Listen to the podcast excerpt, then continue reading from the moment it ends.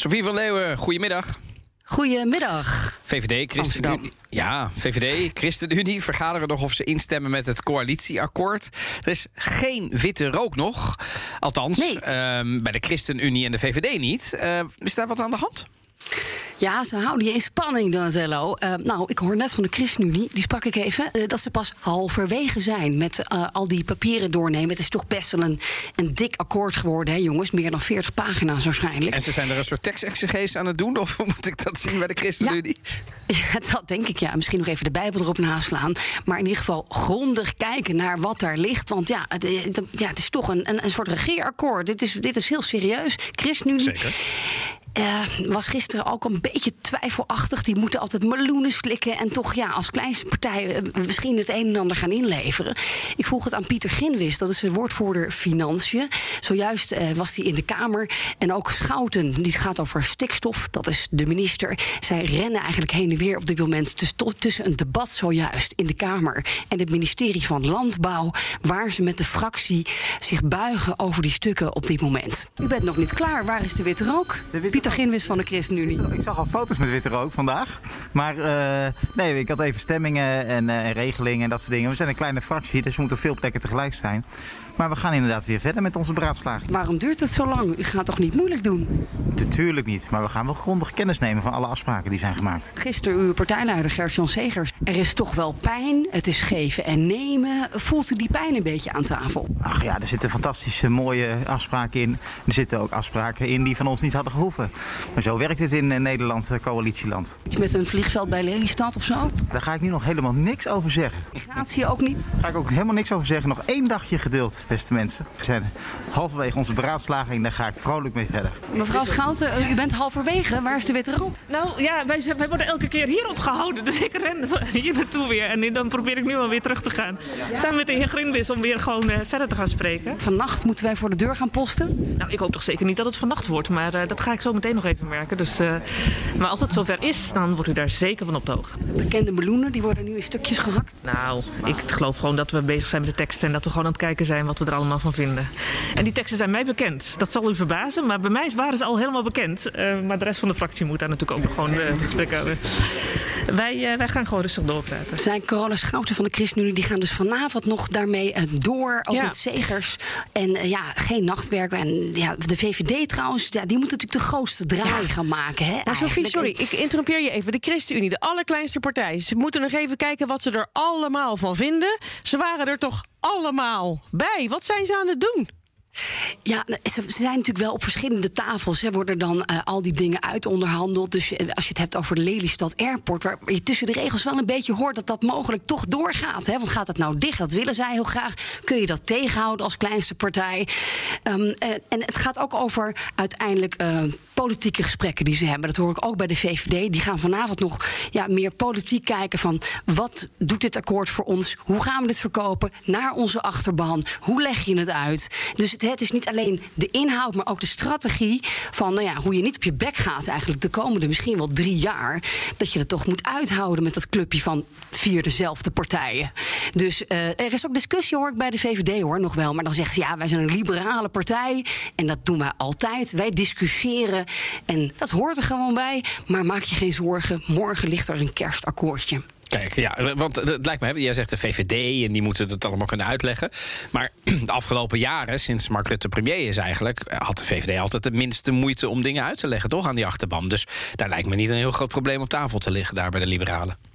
Nee, maar ze zijn wel met 34 fractieleden. Dat is toch de grootste partij. Ja. En dan hoor ik daar uh, nog niet iedereen heeft alles in detail kunnen lezen. En dat zijn volksvertegenwoordigers. Ja. Dus sommige mensen zijn daar minder betrokken bij die formatie dan bij de ChristenUnie. Um, en, en, dat gaat natuurlijk ook over ja, klimaatbeleid. Hè, over weer de migratie. Toch misschien meer mensen naar Nederland halen. Ja, en daar willen ze allemaal toch een plasje Rekening rijden wellicht. Hè? Dus dan, Rekening ja. rijden, zeker weten. Hoewel hè, voor elektrisch waarschijnlijk. En voor de rest schuiven het ook een beetje door naar een volgend kabinet. Ja, of het nou echt pijn gaat doen, uh, dat zal misschien meevallen.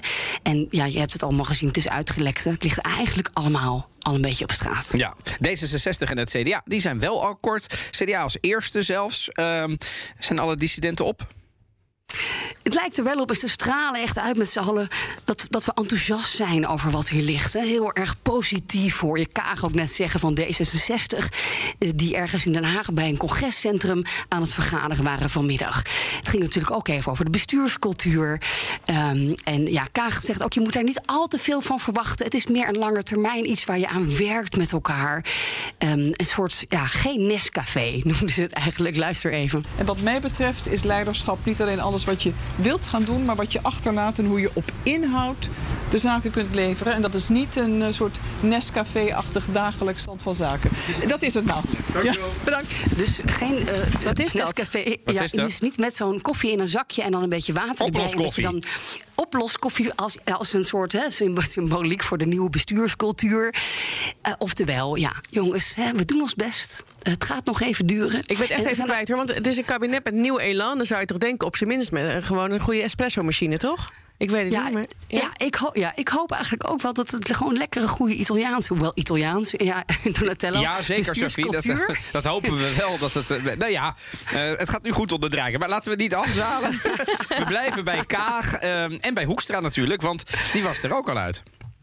Eh, ja, en eh, ja, ook hij straalt eenheid uit, jongens. En dat kan hij ook wel gebruiken na zo'n rotjaar voor het CDA... waarin zijn partij nogal aan diggelen lag. Hoopt hij dus nu nou ja, met frisse blik vooruit te kijken.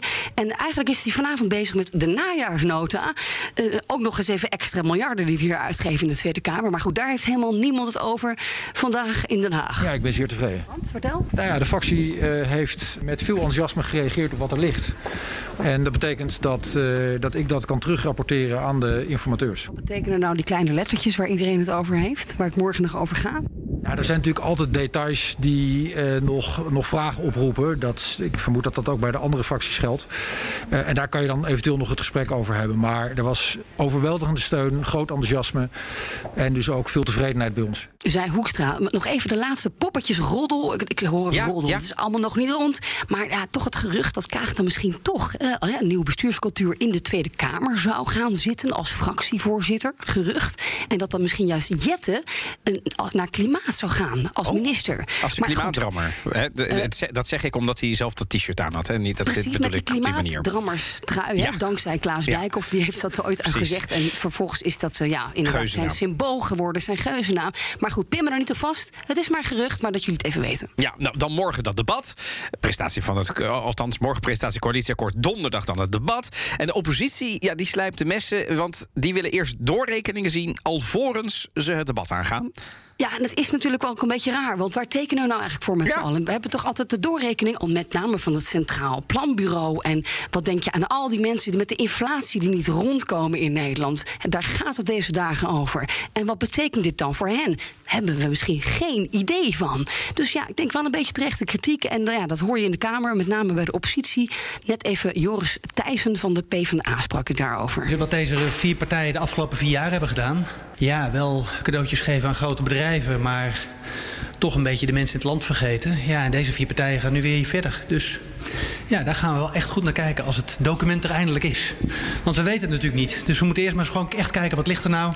En dan morgen kunnen we echt serieus reageren op eh, al die mooie Ja, dus niet iedereen is zo positief en enthousiast over die plannen die morgen naar buiten komen. Ze moeten het eerst nog maar zien in de oppositie. En wat het dan betekent voor burgers, voor onze portemonnee, we hebben geen idee.